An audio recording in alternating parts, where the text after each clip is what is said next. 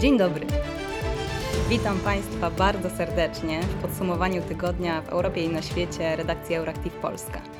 Dziś powiemy między innymi o tym, jak białoruska sprinterka trafiła do Polski, o odszkodowaniach dla przymusowo sterylizowanych kobiet w Czechach, o możliwym wyjściu porozumienia z koalicji rządzącej, a także o nowych zobowiązaniach Ukrainy w stosunku do Białorusinów. Drugi tydzień z rzędu w zastępstwie za naszą redaktor naczelną Karolinę Zbytniewską witam Państwa ja, Kamila Wilczyńska, a ze mną w studiu dziennikarze Aleksandra Krzysztoszek i Mateusz Kucharczyk. Wydawczynią podcastu jest Joanna Jakubowska, realizatorami Paweł Natorski i Sandra Dębowska. Zacznijmy więc od małej aktualizacji w kwestii szczepień. Światowa Organizacja Zdrowia wezwała do ustanowienia ograniczeń na podstawie trzeciej dawki szczepionki przeciw COVID-19. Organizacja obawia się kolejnych braków dostaw dla biedniejszych krajów. W wielu krajach Afryki, Azji czy Ameryki Południowej szczepionek nie wystarcza nawet dla personelu medycznego. Europa i Stany Zjednoczone idą trochę pod prąd. Już planują podawanie trzeciej dawki szczepionek. Miałoby to z jednej strony lepiej chronić przed nowymi wariantami koronawirusa, zwłaszcza przed wariantem Delta, a z drugiej wspomóc osoby, których organizmy nie były w stanie wytworzyć odpowiedniej odporności po dwóch dawkach, zwłaszcza u osób starszych. Podawanie trzeciej, przypominającej dawki osobom przebywających w domach opieki ma się rozpocząć w Niemczech od września. Natomiast w Izraelu od początku sierpnia trzecią dawkę mogą otrzymać osoby po 60 roku życia. O tym, że Unia Europejska jest gotowa na szczepienie trzecią dawką, poinformowała także przewodnicząca Komisji Europejskiej Ursula von der Leyen. The Delta variant is very dangerous and I therefore call on everyone who has the opportunity.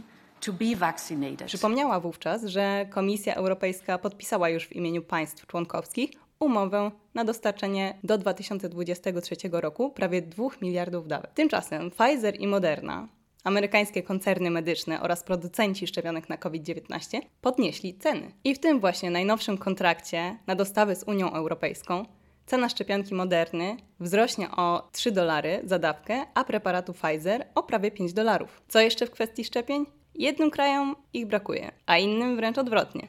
Ponad połowa punktów szczepień przeciw COVID-19 prowadzonych przez miejskie przychodnie publiczne w Holandii zostanie zamknięta. Liczba chętnych do przyjęcia szczepionki spadła w ostatnim miesiącu o połowę. Ponad 80% dorosłych Holendrów dostało już co najmniej jedną dawkę. Większość przyjęła także drugą. Szczepienia w Holandii popiera niemal 90% dorosłych mieszkańców kraju.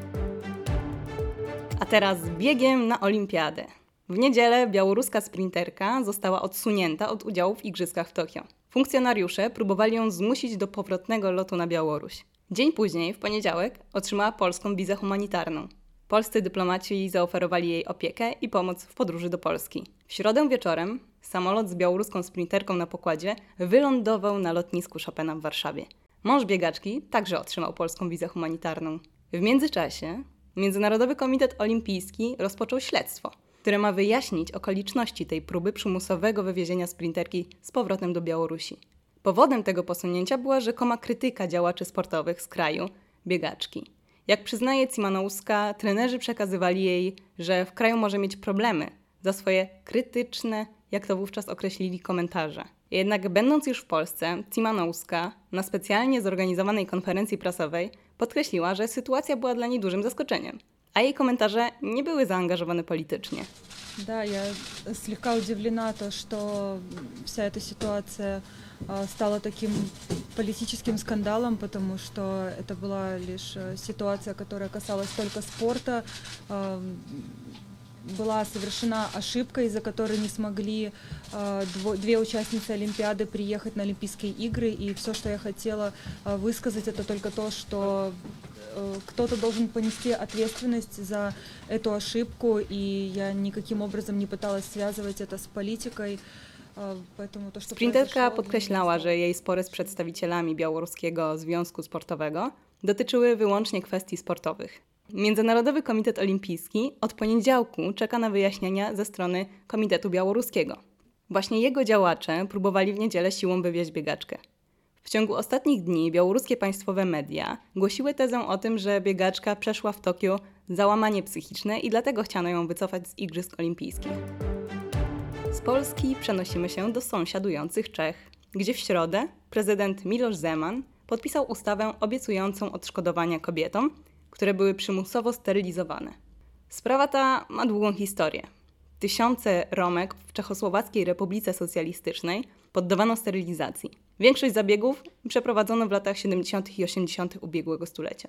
Wciąż jednak po upadku komunizmu w roku 1989 i po rozwiązaniu wspólnego państwa Czech i Słowaków w roku 1992 w obu krajach dochodziło do przymusowych sterylizacji. Wszystko to za sprawą rasizmu w stosunku do Romów, jaki przez lata panował w Czechach. W 2005 roku Biuro Czeskiego Rzecznika Praw Obywatelskich opublikowało raport, którym stwierdzono, że w latach 80. i 90.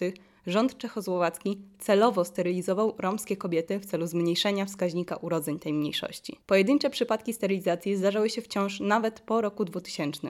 Zgodnie z nowym prawem kobiety będą mogły otrzymać 300 tysięcy koron czeskich, czyli około 53 tysięcy złotych. Projekt ustawy przewiduje także, że ofiary będą najpierw musiały udowodnić swoje roszczenia. Wciąż nie ogłoszono, kiedy rozpoczną się pierwsze wypłaty. To będzie wszystko z mojej strony.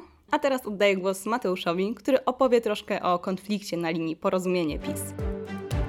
Rządzącej Polską Zjednoczonej Prawicy trzeszczy od dawna, ale mijający tydzień przyniósł największe przesilenie w ostatnim czasie. Zaczęło się we wtorek, gdy bliżej nieznana dotąd wiceminister rozwoju Anna Kornecka z porozumienia skrytykowała podnoszenie podatków dla przedsiębiorców, co jest założeniem Polskiego Ładu. Uderzyła tym samym w kampanię Prawa i Sprawiedliwości promującą ten program, który miał dać partii rządzącej skok w sondażach i wygraną w wyborach w 2023 roku. Kornecka mówiła w TVN24, że przekaz, jakoby 90% Polaków miało na Polskim Ładzie jest nieprawdziwy. Wypowiedź ta uruchomiła efekt domina. W środę premier Mateusz Morawiecki podjął decyzję o jej odwołaniu bez konsultacji z koalicjantem, a w czwartek wicepremier i lider porozumienia Jarosław Gowin wystąpił ramię w ramię ze zdymisjonowaną wiceminister rozwoju. Myślę, że ta dymisja nie jest dymisją za moją pracę, tylko za to, co y, odważyłam się powiedzieć szczerze.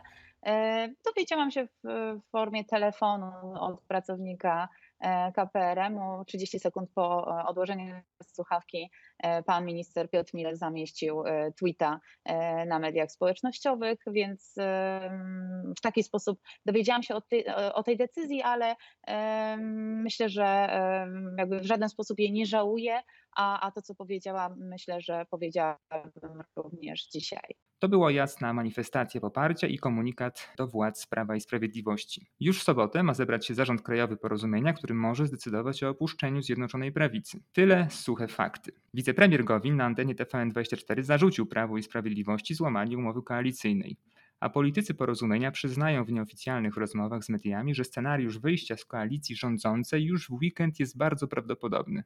Jednak sytuacja wicepremiera jest trudniejsza niż jeszcze kilka miesięcy temu, bo siła Jarosława Gowina to grupka posłów, na której wisi sejmowa większość. Problem polega jednak na tym, że nikt dokładnie nie wie, ilu tych ludzi jest i ilu zostanie przy Gowinie w naprawdę kryzysowym momencie. Tajemnicą Poliszynela jest bowiem działanie wspieranego przez Jarosława Kaczyńskiego Adama Bielana, który zakwestionował przywództwo Gowina w porozumieniu i pod szyldem partii Republikanie zbiera polityków, którym nie po drodze z Gowinem. Do tego trzeba pamiętać o niechęci do porzucenia ministerialnych stanowisk przez ludzi porozumienia. PiS od dawna szykuje się na powstanie rządu bez krnąbrnego koalicjanta, a większość w Sejmie mają zapewniać kukizowcy i konfederaci, którzy za polityczne frukty podniosą ręce ważnych dla PiSu głosowaniach. Dymisja Korneckiej, jak twierdzą publicyści polityczni, może być momentem, który uruchomi spodziewane od dawna przemiany obozu rządzącego. W Sejmie wiadomo, że pozycja Gowina w rządzie jest coraz słabsza. Jego relacje z prezesem PiS Jarosławem Kaczyńskim są fatalne, a zaczęły się gwałtownie psuć w maju 2020 roku, gdy porozumienie zablokowało tzw. Tak wybory kopertowe. Porozumienie zdecydowanie popiera e, zdecydowaną większość e, elementów tzw. Tak polskiego ładu, natomiast nie możemy się zgodzić na drastyczne podniesienie podatków dla mikro, małych i średnich firm, czy szerzej dla tzw. Tak klasy średniej. I tutaj uważamy, że potrzebna jest dosyć głęboka korekta w stosunku do tego, co zaproponowało Ministerstwo Finansów. Mówiła to moja zastępczyni, pani minister Anna Kornecka. Została moim zdaniem w sposób nieuzasadniony zdymisjonowana przez pana premiera Morawieckiego. Co dalej ze Zjednoczoną Prawicą? Na ten temat będziemy obradować w ramach zarządu porozumienia w sobotę. Co na to opozycja? Jeszcze wiosną mówiło się o możliwym rządzie technicznym z udziałem porozumienia, który zastąpiłby gabinet Zjednoczonej Prawicy. Ale niedawny powrót Donalda Tuska do polskiej polityki zmienił dawne kalkulacje i Platforma Obywatelska zamiast roić o powołaniu szerokiego rządu technicznego z Gowinem na czele, szykuje się na wybory. Zarząd porozumienia zbierze się w sobotę w południe. Gazeta Wyborcza pisze, że pomimo świadomości upokorzeń przez PiS i zapowiedzi ostrej reakcji na środowe odwołanie Korneckiej, na sobotnim posiedzeniu władz partii nie zapadną żadne wiążące decyzje, które doprowadziłyby do porzucenia Zjednoczonej Prawicy. Bo jak zastrzega Gowin, Zjednoczona Prawica jest dużą wartością, dlatego jak powiedział, warto byłoby kontynuować ten projekt do końca kadencji. Zastrzegł jednak, że nie za wszelką cenę a na pewno nie za cenę radykalnego podniesienia podatków dla przedsiębiorców i klasy średniej. O tym, czy Gowin będzie bronił przedsiębiorców i klasy średniej jak konstytucji, dowiemy się już w sobotę. A tymczasem Aleksandra opowie o tajemniczej śmierci białoruskiego aktywisty w Kijowie.